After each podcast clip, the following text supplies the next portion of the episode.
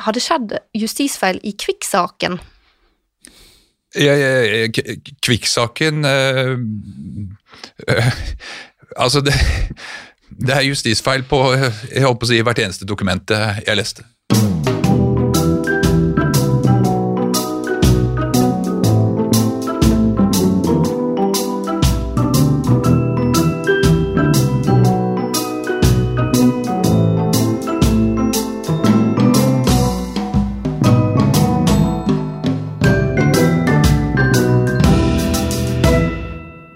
Som får noen til å tilstå over 30 drap som man ikke har begått? Og hvordan er det mulig å bli uriktig dømt for åtte mord? Thomas Quick-saken er unik i nordisk rettshistorie. Thomas Quick, også kjent som Sture Bergwall, ble på 90-tallet kjent som Nordens verste seriemorder. En mann som skulle ha lamlastet, drept og til dels spist sine egne ofre. I 2008 trakk han tilståelsene tilbake, og i 2013 ble han frikjent etter gjenopptakelse for alle drapene som han var dømt for. Kvikk-saken er tema i tre kommende episoder av Rett og slett, en podkast om det som er rett og det som er slett i vår rettsstat. Og denne podkasten er sponset av Karnov juridisk forlag. Mitt navn er Katrine Holter, og jeg er strafferettsforsker på Politihøgskolen. I studio har jeg med meg jurist og mangeårig dommer Tor Langbakk. Han er i dag pensjonert, men han var tidligere leder for Domstoladministrasjonen, og er også kjent som en av dommerne i Orderud-saken. Men i dag så er Tor Langbakk invitert Rett og slett fordi han satt i den svenske kommisjonen som gransket rettsprosessene mot Sture Bergwall. Denne kommisjonen leverte sin rapport til den svenske regjeringen i 2015, og eh, konklusjonene de kom frem til der, var ikke flatterende for rettssystemet. Tor, velkommen til Rettslett. Ja, takk for det. Vil du starte med å gi lytterne en eh, kort innføring i hva som skjedde i Kvikk-saken? Ja, og si noe kort om det er egentlig en utfordring, men det som det hele starta med, var at en svensk mann, og det er Thomas Quick, i 1992-1993 satt på et uh, svensk sykehus på det vi vil kalle tvungent psykisk helsevern. Og i uh, terapien der så begynner han på et tidspunkt å gi uttrykk for at han faktisk har begått et drap. Og det ble jo et fokus i terapien av en, og sykehuset varslet etter hvert uh, politiet. Og 1. mars 1993 så var det en svensk politimann som dro til Sæter og foretok det første avhøret av Kvikk. Og fra det tidspunktet der så tar det av, for å si det forsiktig.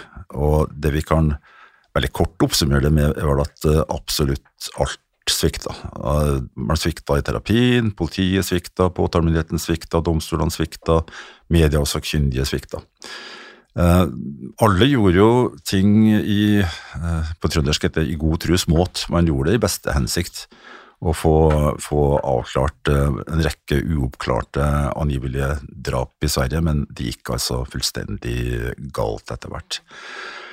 Hvor mange drap han tilsto, det er jeg faktisk usikker på. Vi har funnet forskjellige tall på det, men han var et sted mellom 30 og 35 drap han tilsto. En del var jo det reneste visvas. Jeg tenker på lille Lars som gikk gjennom isen mens han mata ender i vitners nærvær. Han tilsto jo også det. Fordi han skanna jo etter hvert media og aviser etter døde barn, og, og tilsto jo straks at han hadde tatt livet av, av vedkommende. Så det tok veldig, veldig av, og ble altså da, som du sa, den største rettsskandalen i, i Sverige og antagelig i Norden i all tid. Men var ikke det også sånn at han tilsto drap på to asylsøkere på, fra Norge, og så viser det seg senere at de var i live i beste behold i Sverige? Ja da, det var to gutter som var, var asylsøkere, så vidt jeg husker, som har vært i Oslo, og som det viste seg etter hvert var i live og hadde så sett bare bra, og ikke helt tatt død. Da. Så, så det, En av de interessante trekkene her er jo at politiet reagerte ikke på det. Altså man, Han tilsto alt mulig rart som helt åpenbart var bare tull, men det gjorde ikke at man dro i tvil mannens troverdighet når det gjaldt de drapene man faktisk etter hvert fikk dømt den for. Hvordan kan det ha seg, da? Det har, har å gjøre med at uh, alle, og kanskje i første rekke politiet, gikk vel i de fallgruva det teknisk sett går an å gå i her, med å være forutinntatt, gruppetenkning osv., osv., osv., og løfta aldri blikket og så litt på hva det egentlig vi holder på med her. Uh, og så var det den her um, Johan Asplund-saken. Det var jo en eh, person som forsvant i 1980. Han var elleve år gammel, ble aldri funnet, og det var også mye medieomtale om denne her. Um, og denne tilstår jo Denne blir jo sentral, altså er ikke dette en av de første han tilstår, eller? Det var jo den første saken han tilsto, og det tok riktignok mange år før man tok ut tiltale og dømte den for det, det, drapet. da. Man ville ha han dømt for et par andre ting først. Men det er en veldig interessant sak, for det er den han begynner å snakke om når han sitter på Sæter sykehus. Og, og, det er et psykiatrisk sykehus, ikke sant? Det er et psykiatrisk sykehus. Midt i Sverige et sted? Ja, 17-18 mil fra, fra Arlanda flyplass. Um, et sted hvor det ble, ble, ble, bedrevet en ganske spesiell terapi, det kommer vi kanskje tilbake til. Men han tilsto da etter hvert det drapet, og det satt veldig, veldig langt inn, da. Og hvis en ser på de særlig første, andre, tredje avhøret her, så, så det han vet om det, det visste han stort sett bare fra avisene. Det her var en veldig, veldig eh, medieomtalt sak da gutten forsvant. Han ble jo aldri funnet. Og ja, Det er så mye rart å si om det her første avhøret. altså hvor Behandlingspersonalet er med på avhøret. Før han ble avhørt av politiet, hadde man jo kjørt han til Sundsvall, hvor eh, Johan Asplund forsvant. Og kjørt han rundt der og, og, på en måte i realiteten lærte han opp til hvor var egentlig åstedet for forsvinninga osv. Så, videre. så Så det var starten på det hele. Og så ble han jo dømt for uh, tre drap som skal ha skjedd i Norge, deriblant uh, den kjente Therese-saken. Ja, han ble jo det, og Therese-saken er jo en historie i seg selv på, på, mange måter, egentlig. fordi NRK hadde jo en serie om Therese-saken her for litt tilbake, og i to episoder er man innpå rollen til, til Thomas Quick. Eh, jeg satt i Bergwall-kommisjonen, det kommer vi kanskje tilbake til, og vi gikk gjennom materialet også i forhold til Therese-saken. Og vi ser jo hvordan han ble styrt inn i den saken via en herrens hærskare av ledende spørsmål. Han fikk indirekte opplysninger. altså Fra å starte den saken Kanskje, kanskje fortelle akkurat det, for det, det er ganske spennende. Altså, han starter jo helt indirekte med å si at det er et eller annet han har gjort i et, en liten by som begynner på F, som er i nærheten av Drammen. Og skal forklare hvordan ser det stedet ut. da? Jo, det er små, hvite trehus sammenlignet med en, en, by i Sverige som en kjente. Og det her skjedde altså i bydelen Fjell ved Drammen. Det er ikke akkurat småhus, for å si det forsiktig, som preger Fjell. da. Og så har noen sagt da, som har sett slutten på forklaringa, så han visste hvor det var. Han fant jo frem til veien. Vi har sett videoopptak av, av hele turen. Han fant jo ikke frem til Fjell i hele tatt. Okay. Og Historia så også at han hadde tatt livet av ei lyshåra jente med store fortenner en dag det var fin sol og sånt. Og da Therese forsvant, og hun hadde også mørkt hår og ikke fortenner og det regna Ja, det stemmer ikke med sånn som hun uh... Nei, det passa ikke i hele tatt. Så vi ser jo hvordan historia bygges opp med ledende spørsmål og hint hele veien. Ja, ikke sant. Um, I studio i dag så har jeg òg fått med meg politiets fremste avhørsekspert, Asbjørn Raklev. Asbjørn Raklev har doktorgrad i kriminologi på temaet justisfeil ved etterforskning. Han har vært sentral i et mangeårig arbeid med å endre norske avhørsmetoder, og dette er et arbeid som i dag får internasjonal anerkjennelse bl.a. av FN. Asbjørn uh, har dessuten vært med i den norske granskningen av Kvikk-saken, som leverte sin rapport til Riksadvokaten i 2015. Og i den norske granskningsrapporten så står det blant annet det er tankevekkende at systemet ikke var mer motstandsdyktig enn at en psykisk syk pasient og en pseudovitenskapelig forklaringsmodell fikk starte en prosess som ingen av våre sikkerhetsinnretninger klarte å stoppe. Asbjørn, velkommen til Rett og slett. Takk skal du ha. Hva er justisfeil? Ja, eh, justisfeil det er et eh, begrep eh, som egentlig stammer fra det engelske 'errors of justice'. Uh, og Det var det jeg fant mest hensiktsmessig til å sentrere min doktoravhandling rundt. Uh, justisfeil må ikke forveksles med det utdaterte, gammeldagse begrepet justismord. Justismord handler utelukkende om den siste beslutningen som er fattet uh, i saken, og da betegner eh, en, den beslutningen som, som, en uriktig domfellelse. Eh, justisfeil handler om ethvert avvik fra straffesakens optimale utfall. Justisfeil eh, retter seg inn mot prosessen som leder eh, til et eh, sluttresultat som ikke er optimalt. Det vil si at justisfeil kan slå begge veier. altså En justisfeil kan lede ut i en etterforskning som ikke får sin løsning, altså at politiet ikke klarer å identifisere gjerningsmannen. Eh, en justisfeil kan i verste fall lede fram til en uriktig domfellelse. Eh, det begås justisfeil eh, hver eneste dag, eh, både i politiet, påtalemyndighetene og domstolene, men, men, de aller fleste justisfeil de klarer systemet lett å, å korrigere selv. Man kan tenke seg at politiet gjennomføre et avhør og glemmer å gjøre vitnet kjent med vitneansvaret f.eks. Det er en bitte liten justisfeil, men det korrigerer vi raskt ved å kalle inn vitnet igjen og gjøre det kjent. Og Det er bitte lite avvik fra det optimale utfallet, fordi her burde politiet vært eh, mer effektive og slippe å avhøre vitnet to ganger. Eh, men så er det noen justisfeil som er vanskeligere eh, å oppdage, som sniker seg inn i sakskomplekset, og som i ja, i verste fall eh, kan lede ut i en uriktig domfellelse. Ja, og da er vi jo tilbake igjen i det gammeldagse uttrykket et justismord. Um, har det skjedd justisfeil i Kvikk-saken?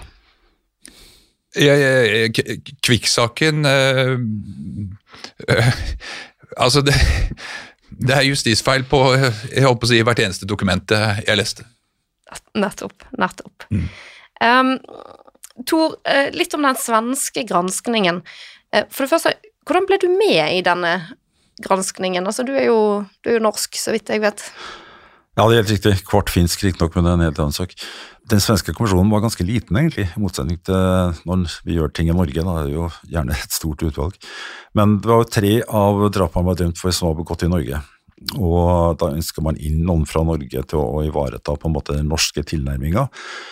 Pluss det at eh, det er noe med å lære av hverandre også i, i, det nordiske land. Vi gjør jo ting delvis litt forskjellig, og kanskje kan vi lære noe av det. Eh, eller lære noe av. altså Det er jo et spørsmål vi kommer tilbake til. Hva skjedde etterpå? Har noen egentlig dratt noe lærdom av det her som har noen strukturelle konsekvenser? Det er jo et annet spørsmål. Men jeg kom inn via Justisdepartementet da, for å være norsk representant i den kommisjonen. Møtte du Sture Bergwall? Ja da, han kom til Stockholm og møtte oss. Ja, Hvordan opplevde du han, da? Nei, han er jo en snedig fyr, da. Eh, verbal. Eh, og var jo som en gammel, trivelig bestefar, egentlig. Og sa jo det at Sa jo ganske fornuftige ting, egentlig, om det han har vært gjennom, da. Med et slags forsøk på å forklare hvorfor han hadde gjort det her. Um, forsøk på å forklare at han var ganske påvirka av medikamenter som han fikk i bøtta og spann under oppholdet på Sæter, osv., osv. De kritiske konklusjonene er ganske like for så vidt i, i rapportene fra begge land. da. Altså man, man, er jo litt på linje, ikke sant. Uh, og Tor, um, vil du kort uh, gjengi hva som var hovedfunnet i deres rapport? I motsetning til den norske uh, gjennomgangen så besto vi ikke av politietterforskere. Det var jurister og leger stort sett som satt i den svenske kommisjonen. Så vi gikk ikke veldig detaljert inn i uh, hva politiet hadde gjort, annet enn naturligvis å konstatere at det var en herrens herskare av ledende spørsmål og tilførsel av informasjon til Thomas Quick gjennom den dialogen som har vært mellom Quick og, uh, og etterforskere. Uh, vi så jo også på Unnskyld på behandlinga på Sæter, vi så på åklagermyndighetens behandling, og den er jo på en måte litt av det mest interessante, hvis jeg kan bruke et eh, minutt på det. Mm, jeg bare legger til at åklagermyndigheten, det er altså da Påtalemyndigheten i Sverige. Yes. Det er litt interessant, fordi jeg hadde vært over i Sverige noen år før eh, på oppdrag fra, fra, justisministeren sammen med et par eh, andre, og, og sett på en sak hvor det var Vi var så imponert over den kjappe behandlinga av Fadime-saken. unge Fadime ble drept i Uppsala. Og det skjedde i slutten av januar. Eh, I mars samme år så var saken Hvilket i år er vi nå? Ja, Det årstallet husker jeg ikke. Cirka? Jeg husker ikke det heller. Vær, vær nå snill. Men, men, og samme det, egentlig. fordi at uh, Poenget var at i mars så var den saken i Uppsala tingsrett. I mai var den i Svea hovrett, altså lagmannsretten i Sverige. Og i juni passerte den Høyesterett. Samme år. Og vi var så imponert over det, og så litt på hva var strukturelle ting som gjorde at det gikk an, og det var jo nærheten mellom politi og, og påtale, frister som var satt, og ikke overetterforskning. Vi konstaterte vel det, og det mener jeg fremdeles, at i Norge så overetterforskes det en god del hvis man har fokus på hva skal vi egentlig vite for å gå i retten med den saken her. Så vi, vi var litt sånn imponert over det, og også at påtalekompetansen lå i førsteinstans. Altså I Norge måtte en drapssak gå fra politi via statsadvokat opp til Riksadvokaten og tilbake igjen. Og da er altså påtalekompetansen, det er den Den som kan ta ut tiltale, beslutter at her skal tas ut tiltale. Ja, og da ta ut tiltale betyr at man går da til sak og tar saken inn for domstolene mot en person som man tenker er den skyldige gjerningspersonen. Ja, helt riktig. Så vi var litt imponert over det, men etter å ha sett eh, Kvikk-saken, hvor nettopp det samme egentlig er en del av det strukturelle problemet. Altså, Christer van de Kost, vår venn i svensk påtalemyndighet, leda da etterforskninga. Han vurderte utfallet av etterforskninga og var fornøyd med det, pussig nok. Han tok ut tiltale og han prosederte saken i retten. Sånn at kontrollmekanismer på påtalesida, det så vi ikke i hele tatt.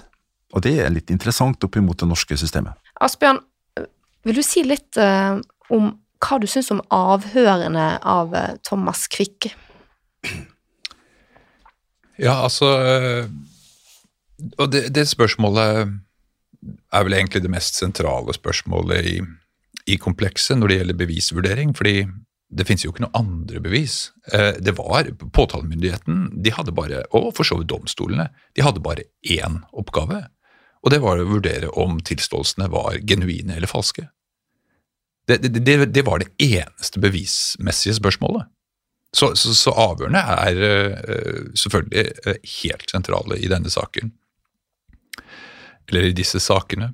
Første gang jeg kom eh, borti Thomas Quick-sakene, det var når jeg selv var eh, drapsetterforsker i Oslo politidistrikt. Um, jeg hadde nettopp fått innvilget eh, studiepermisjon til å reise til England og lese meg opp på rettspsykologi.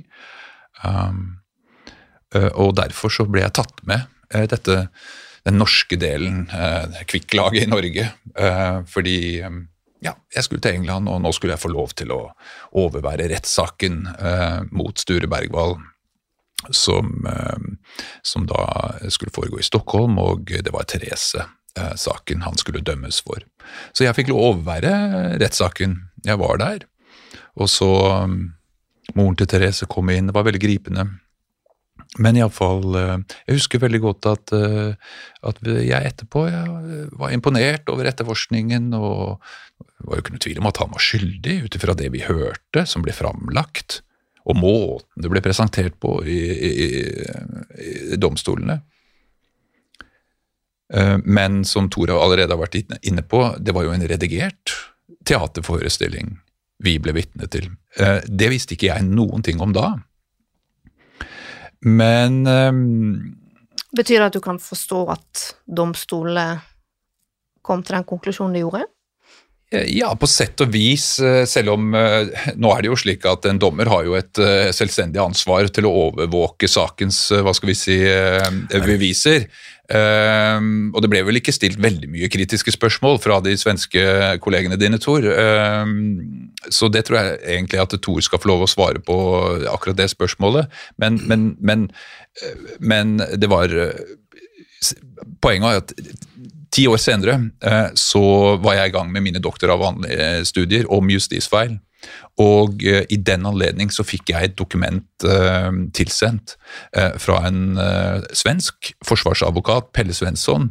Jeg på å si både i størrelse og, og, og røst så kan vi sammenligne han i, i Norge med kanskje Klomsæt. Altså han, en svær forsvarsadvokat som ikke er redd for å, å, å snakke ut.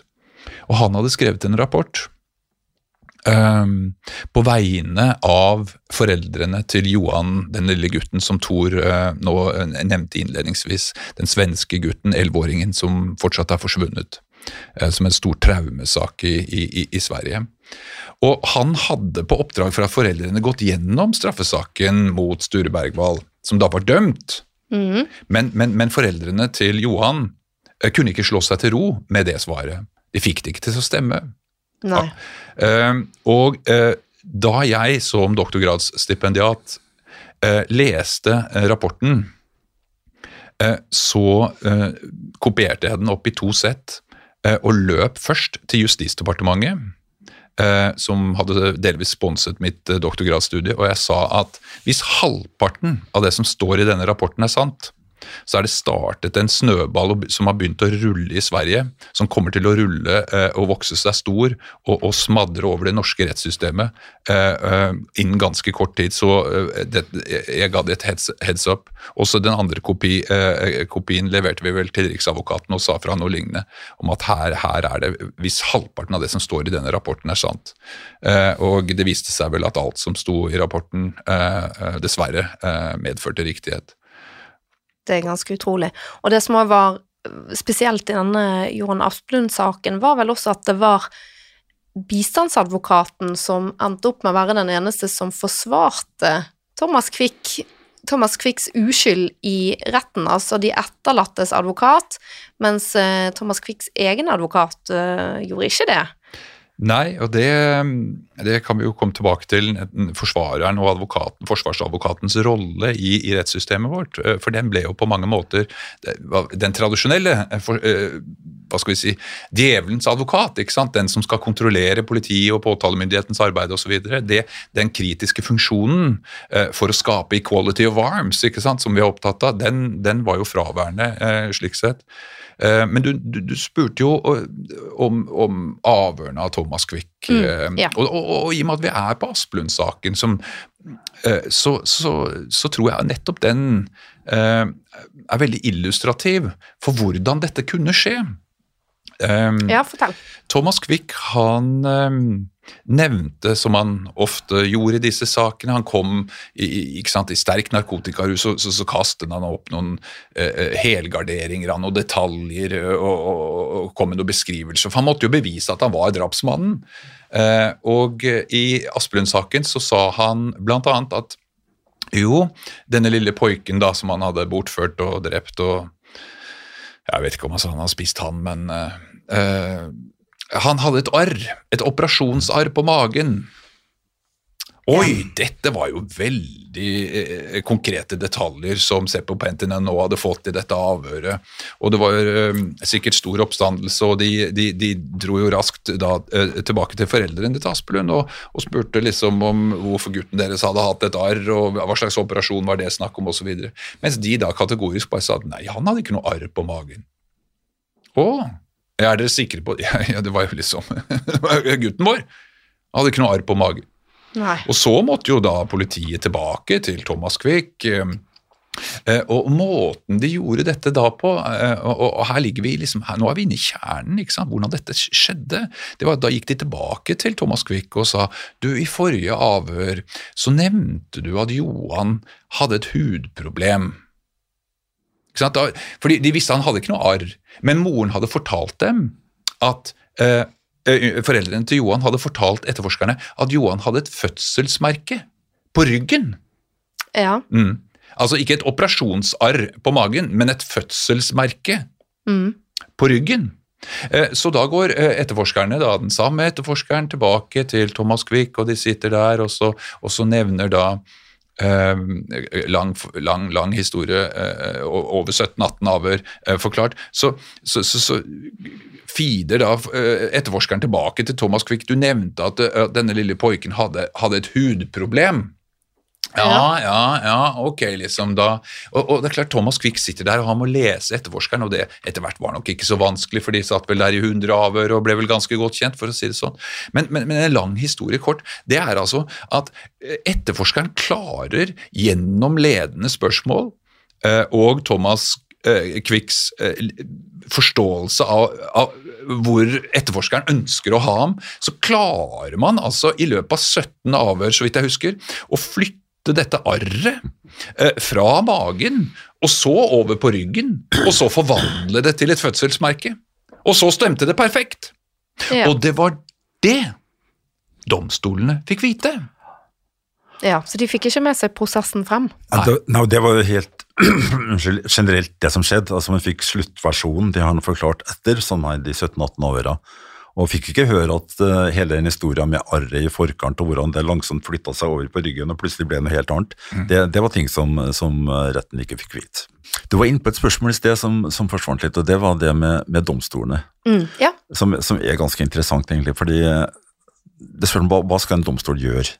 ja. Og det er litt forskjellige syn på det. Skal det være en dommer eller en rett som sitter der, og så får partene komme med saken sin fra begge sider, og så får han bare si ja, ja, det her holdt det, her holdt det ikke, eller skal retten ha et eget ansvar for at det her skal faktisk belyses på en skikkelig måte. Og det ansvaret har retten i Norge, og det har man også i Sverige. Men det vi ser er at man var jo fullstendig passiv. Nå er det litt forskjellig dommerkultur i Norge og i Sverige. Altså Min erfaring har vært til stede på en god del svenske rettssaker, og svenske dommere er litt mer laidback og rolig og ikke så på hogget som nok flere norske dommere er. Men her satt han bare passivt og tok imot. Annet eksempel er at han har jo forklart om at uh, han hadde med seg andre på en del av de her drapene. Navngitte personer. Hvis jeg- Men ingen av de ble tiltalt, har jeg forstått. Nei da, og, og hvis jeg har vært dommer og, og, og at ja, men han har altså sagt at uh, Tobbe Karlsson skal være, var med på det drapet, så jeg hvorfor er ikke herr Karlsson hos oss, vi får høre litt om hans versjon av det her. Og Det ble ikke stilt et eneste sånt spørsmål, og det er helt merkverdig hvor passiv man var. Vi har jo intervjua de dommerne som fremdeles var i live, og uh, de syntes ikke det her var noe morsomt. Nei. Nei. Og det er jo, altså, det var litt av problemet til Thomas Quick, for at han skulle jo da tilstå drap som var begått over hele Sverige og Norden, egentlig, og så hadde ikke han bil, så noen ganger så måtte han da, så, så vidt jeg har skjønt det da, eh, inkludere andre personer i denne fortellingen hans, for å kunne komme seg rundt da, så han måtte ha en kompis som hadde bil som kjørte. Ja, ja, altså han hadde ikke, Det var ikke bare det at han ikke hadde bil, men han, han, han hadde jo ikke kjørekort. Nei, nettopp. Nei. Nå Ja. kan man riktignok kjøre bil av og til, selv om man ikke har sertifikat. Men det var dratt i tvil det om man i hele tatt noen gang har kjørt bil. da. Men det er helt riktig, nei, det kom det inn det ene etter det andre i forskjellige sammenhenger. Og oppi den Appojärve-saken så hadde han jo da sykla ti mil på en defekt damesykkel for å komme fram til det her stedet hvor drapet var foregått. Det er jo forferdelig troverdig. da. Ja, ikke sant. Ja. Og denne her ene som han da eh, snakka inn i saken, ikke sant, han eh, Det var en Jeg husker ikke navnet på han. Du tenker på den, eh, Det ligger en videosnutt ut på Ja. nettet omkring det, ja. Ja, det, Ja. det ligger en utrolig utrolig illustrerende konfrontasjon, da. Ja, altså, det, akkurat den videosnutten så vil jeg anbefale alle å, å, spore opp. Eh, Vi får komme tilbake i, neste episode til, med, med, med nærmere detaljer, for den er veldig interessant. Eh, Fordi det er faktisk et ekte konfronterende avhør. Eh, Jeg mener at begrepet konfrontasjon er feil brukt i, i, i norsk eh, straffeprosess. Eh, eh, Jeg liker ikke begrepet i det hele tatt. Eh, Det handler egentlig om bevispresentasjon. Men å presentere andre, eh, eh, andre opplysninger for den vi intervjuer. Men dette var et konfronterende avhør, der vitner settes opp imot hverandre og konfronteres fysisk. Det er konfronterende. Vi bruker jo ikke det i Norge, men det gjorde de i Sverige. Og det, den, den teaterforestillingen der, den er altså så uh, hva skal vi si, illustrerende for hele sirkuset uh, Kvikk. Uh, hvor altså Thomas Quick jo da impliserte denne kjente svenske personen. Han var kjent fordi altså han, kjent av politiet. altså Han var eh, en, Han var voldsforbryter, hva skjønner jeg? ja, han var mye uh, rart, tror jeg.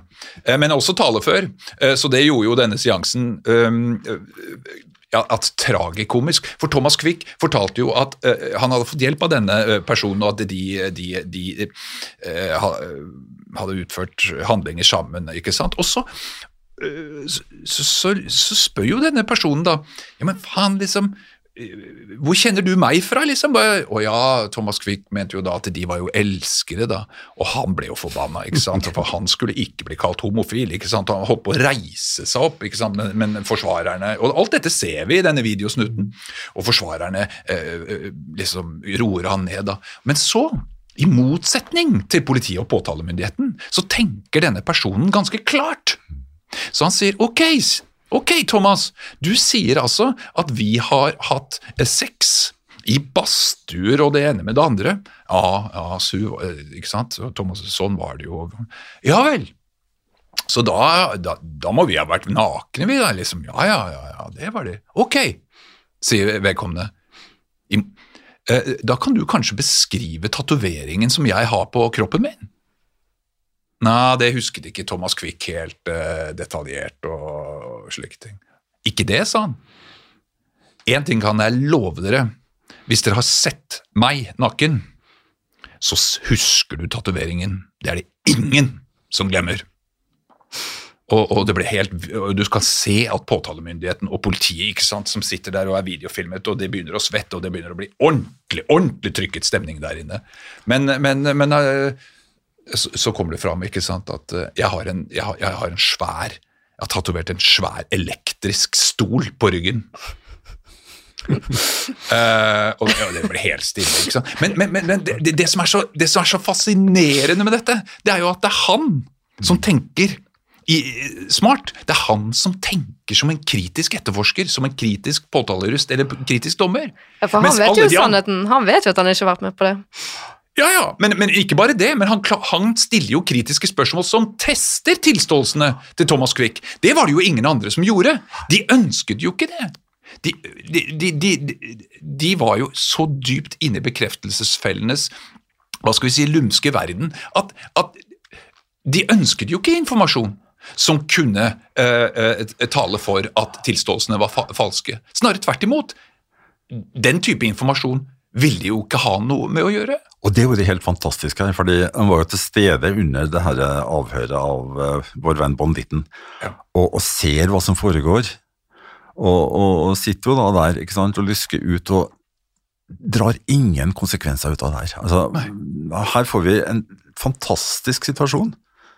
Og så går vi hjem, og så fortsetter vi i samme sporet som før. Og det er jo helt fantastisk. Altså da, da er vi vaksinert mot andre tanker enn det som har fått uh, rotfeste i hjernen, faktisk. Det, det, er helt ufattelig. Men det var jo kritiske stemmer, var det ikke? Internt i politiet og sånn òg, eller? Jo, men det er veldig vanskelig å få øye på dem i ettertid, da. Det, det, var jo det. Noen skrev jo litt her og noen skrev jo litt der, men det drukna jo i i alt mylderet. Ja, de blir skjøvet rett og slett ut ja. av etterforskningsteamet Og, uh, det var også kolleger av meg altså i det svenske politiet som skrev rapporter, som Thor sier, og en av dem, en kvinnelig etterforsker uh, altså Hun ble jo rett og slett truet til å endre rapportene sine. Altså Hun skrev en kritisk rapport og la, og, og la utkastet på, på, på, desken til etterforskningslederen, og fikk rett og slett ordre om å endre rapporten.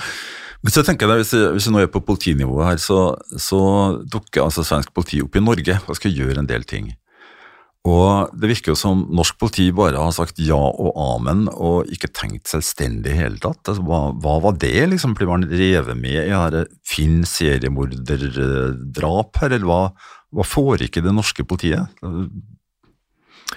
Ja um, Til å begynne med så fant vi eh, spor av uh, kritisk tenkning. Eh, det gjorde vi. Det er noen rapporter som går fra norsk politi til svensk politi om at dette virker litt rart, her, her, er det ting som ikke får til å stemme. Så det er noe korrespondanse mellom norsk politi og svenske eh, da, politi og, eh, og påtalemyndighet, hvor, hvor, hvor, vi ser eh, antydninger til kritisk tenkning eh, som en etterforsker skal ha.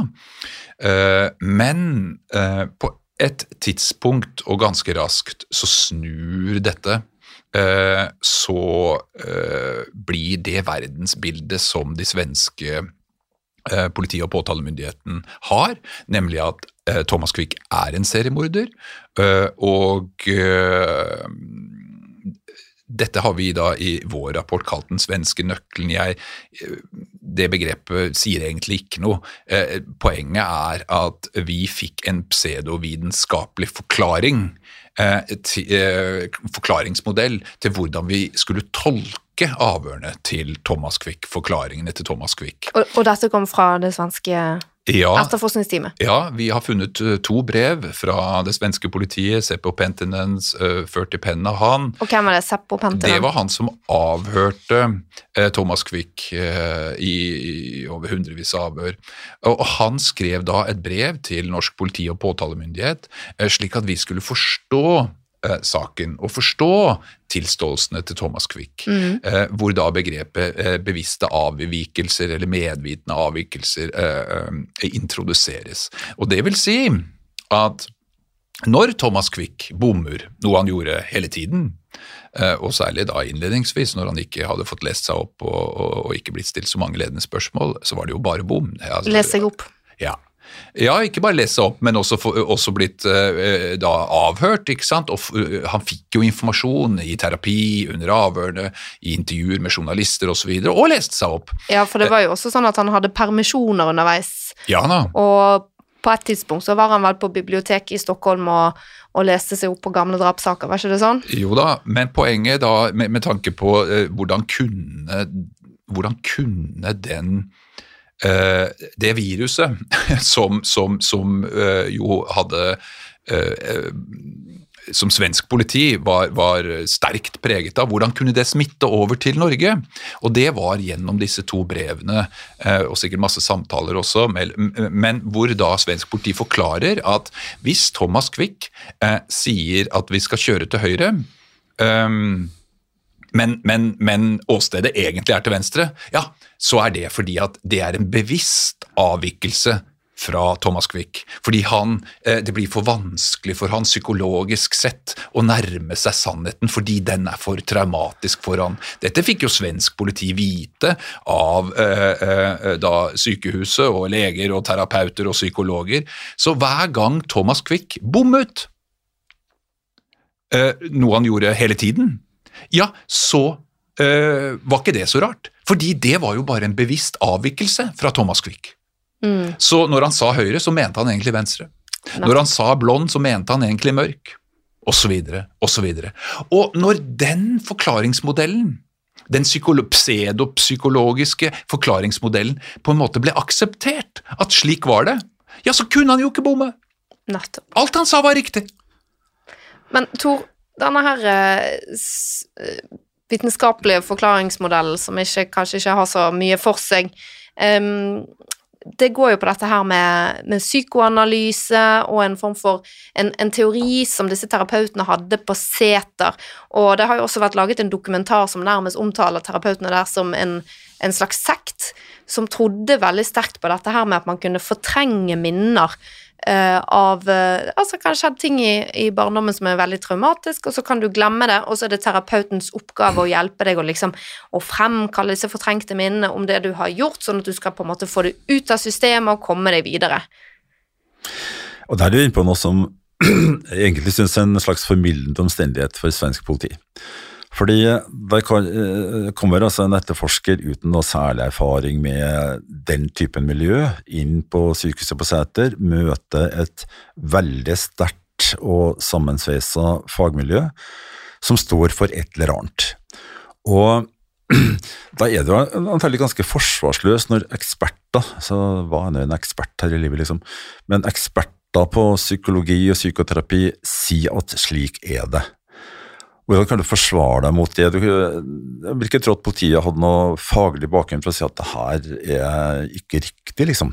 Men blir altså kjørt ganske hardt inn i tankegangen til de her folka. Og en ting er miljøet på Sæter, men så hadde du også en svensk vitnepsykolog som ble engasjert tidlig inn her.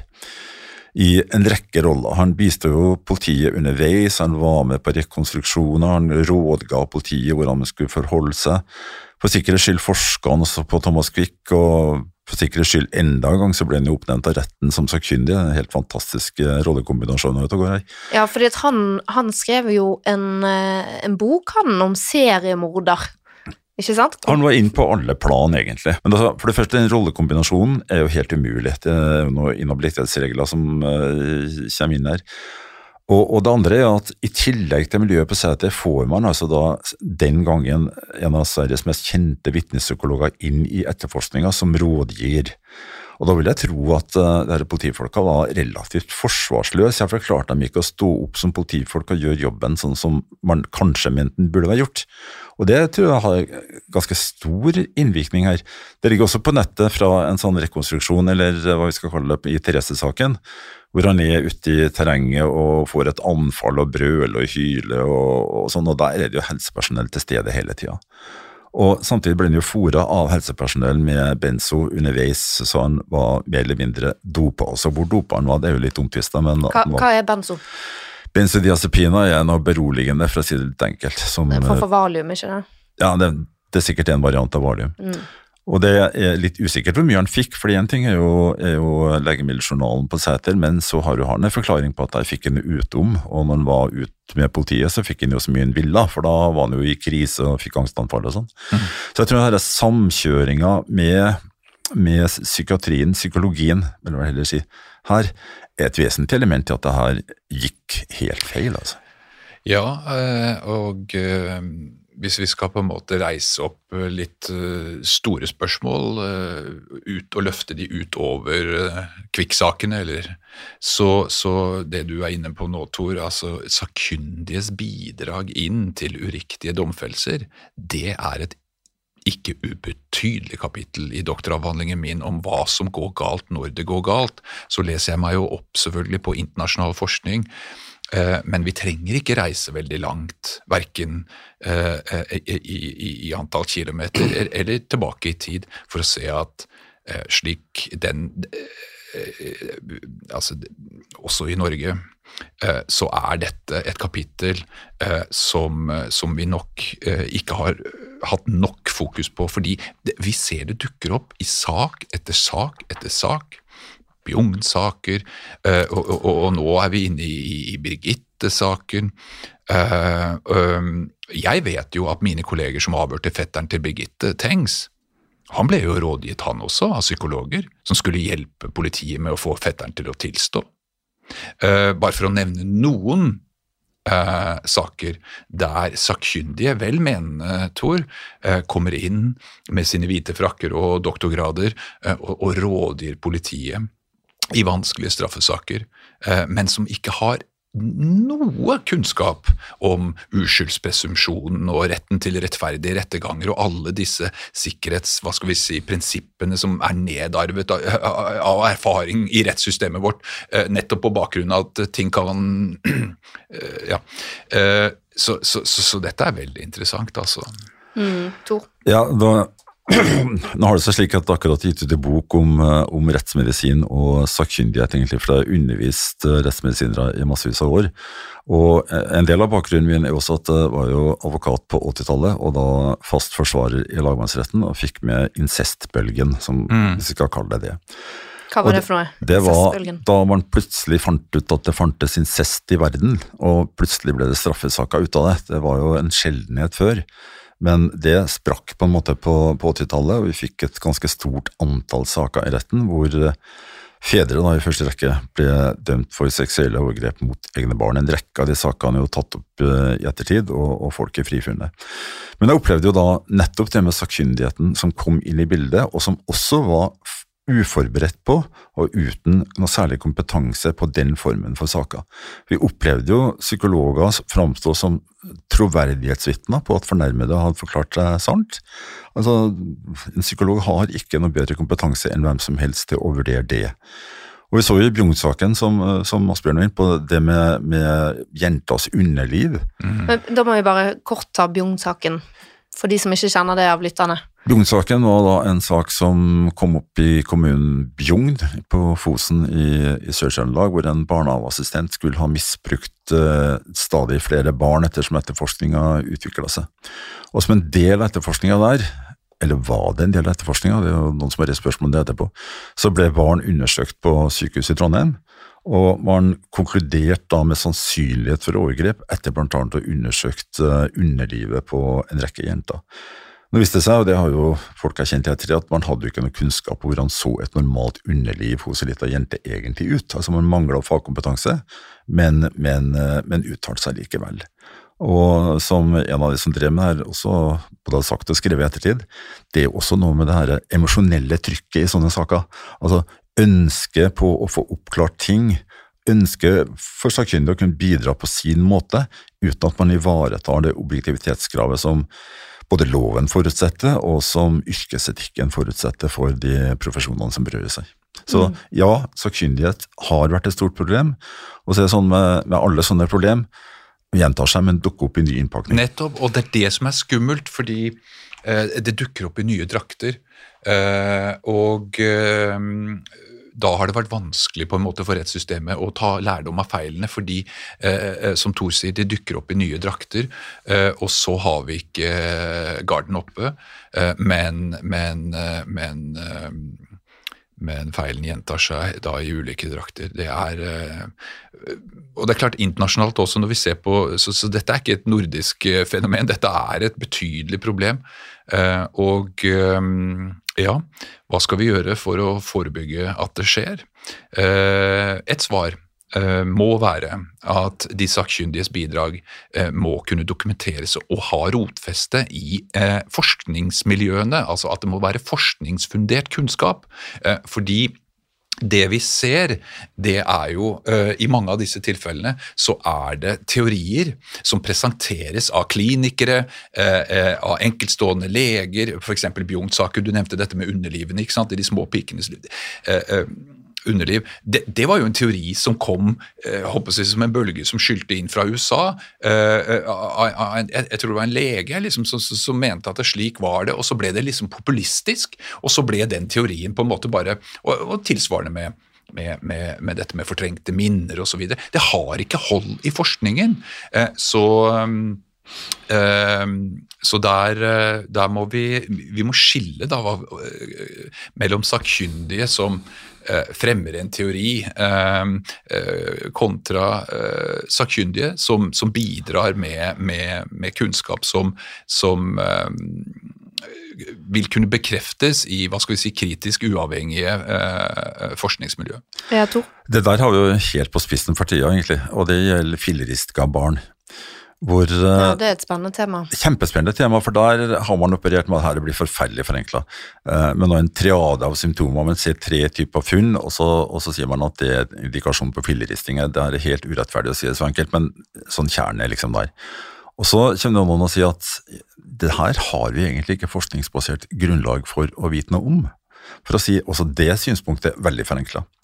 Men, men så, hva gjør vi med det, ikke sant? Og, og, som Asbjørn spør. Og da, da, hva er situasjonen? Jo, en sånn sak går i retten. Der sitter en dommer som er jurist, som var 45 år da ble utnevnt, kanskje kom fra juridisk kontor i Equinor, hva vet vel vi, og ved siden av sitter to lekfolk, en av hvert kjønn. Helt uten bakgrunn i noen ting, annet enn å sitte i kassa på Rema og drive et småbruk. Og det er folka her som skal ta stilling til det. Rart På rettsmedisin har vi den, den uh, kvalitetssikringa at det her skal via Den rettsmedisinske kommisjon. Når er bare rettsmedisin som går dit, vi har jo andre typer sakkyndighet også. Og der skal man bare foreta en vurdering av er det her riktig ut fra de premisser som vedkommende har lagt til grunn for, for eh, sine vurderinger. Det er ikke noe garanti for at dette er riktig. Men så Da står vi også i den situasjonen ikke sant, at eh, i retten skal en være rimelig tvil komme tiltalte til gode. Og Hvis du da har en etablert medisinsk tradisjon, og så kommer det noen inn fra høyre eller venstre og sier at det er ikke riktig, så er vi fort over en situasjon hvor, eh, hvor tvilen blir manifest. og Vi må si at her må, skal tiltalte frifinnes, fordi vi er ikke helt sikre. Så det her er, er- er et forferdelig viktig punkt. Vi har det samme på et annet område, og det er jo tannleger som ble knytta til barnehusene for et par år tilbake. Altså Antallet tannlegeerklæringer for uh, Den rettsmedisinske kommisjonen har jo eksplodert i løpet av tre år. Vi har det opp igjen eh, 350-400 fra barnehusene i året nå. Eh, Hva slags kunnskap bygger tannleger på når man uttaler seg om funn i munnhula relatert til mulige seksuelle overgrep? Altså, Er det forskningsbasert? Veldig vanskelig for å finne den forskninga. Så det, det skjer hele tida, og det gjentar seg, men det Mm. gjentar seg i nye former. Og Mm. vi har ikke systemer som det går antagelig ikke an å lage systemer som er gode nok til å, å avdekke sånne ting. Nei, og vi, Nå nærmer vi oss uh, slutten på den første episoden om Thomas Quick-saken. Eh, og det vi er inne på nå, er altså rollen til de sakkyndige. Så som jeg eh, forstår det, da, så er det jo fort gjort at man som fagperson uttaler seg om mer enn det man kanskje har faglige forutsetninger for. Så her stiller jeg jo det veldig strenge krav til fagpersonens egen på en måte evne til å, å, å vite hvor langt går min kompetanse. Uh, og det andre er vel det at uh, det er for domstolene, sant, som de, de, sitter Altså, uh, lekdommere, fagdommere kommer inn med en annen type fagbakgrunn, og så blir det jo da utrolig vanskelig å skulle på en måte vurdere de sakkyndige bevisene eller uttalelsene på en kritisk måte, nettopp fordi at man, man har ikke ja. helt de, den kjennskapen til faget, da. Forskning er det som driver hva skal vi si, kunnskapsnivået vårt, profesjoner, medisin, altså samfunnet vårt videre. Mm. Så vi er, vi er, helt avhengige av sakkyndighet eh, i komplekse spørsmål. Eh, men spørsmålet er om den fag, eh, sakkyndige representerer hva skal vi si, den kritiske, uavhengige forskningen og som du sier, eller om vedkommende er en kliniker eller praktiker øh, og, og ble oppnevnt som eh, sakkyndig fordi han er tannlege, fordi han er psykolog. Vi er helt avhengig av kunnskap, og, og, så vi må bare sette strenge krav til hva vi faktisk anerkjenner som, som sakkyndighet. Ja, og her finnes det jo også retningslinjer for hvordan sakkyndige bevis skal brukes fra Riksadvokaten. Tor? Ja, men samtidig så, så ikke her blir for dystert, egentlig. Mm. Så man si at det, det, er klart at sakkyndigheten i dag er på et helt annet og mye bedre nivå enn den var for 20, 30 og 40 år tilbake. Altså, det var den gangen en lege i hvit frakk var en autoritet så det holdt i seg sjøl, men det har nok endra seg en god del. Mm. Og, og fagligheten i det som presenteres, er jo på et helt annet nivå i dag. Tenk bare på, på, psykiatrien. Det er ikke så mange år siden homofili faktisk var en psykiatrisk diagnose. Nei. Eh, det har man klart å legge bak seg, men, men, men eh, så, så, det går framover. Det, det, er bedre. Ja, og jeg tror eh, akkurat du nevner der med homofili og, og, og sykdomsbildet, det tror jeg nok kan ha vært med på å gjøre livet vanskelig for Sture Bergwall. Ja, helt åpenbart. Mm. Han mente jo å være homofil, og er vant antagelig det, og var det det første gangen han kom bort en straffesak, var på 70-tallet. Og da ble jo stilt en diagnose som sadistisk homofil. Det står. Den ble satt til side, for guds skyld. Men altså, det er ganske sterkt å bruke sånne uttrykk. Og den diagnosen, den ble brukt av politi og påtalemyndigheten hele veien gjennom. Husk, han er sadistisk homofil. Ja. Selv om den ble altså underkjent allerede på 70-tallet. Nettopp. Da var det siste ordet fra gjestene mine i dag. Kvikksaken del én er ferdig, og jeg håper at dette har vært interessant og lærerikt. Husk å abonnere på Rett og slett, og så høres vi snart.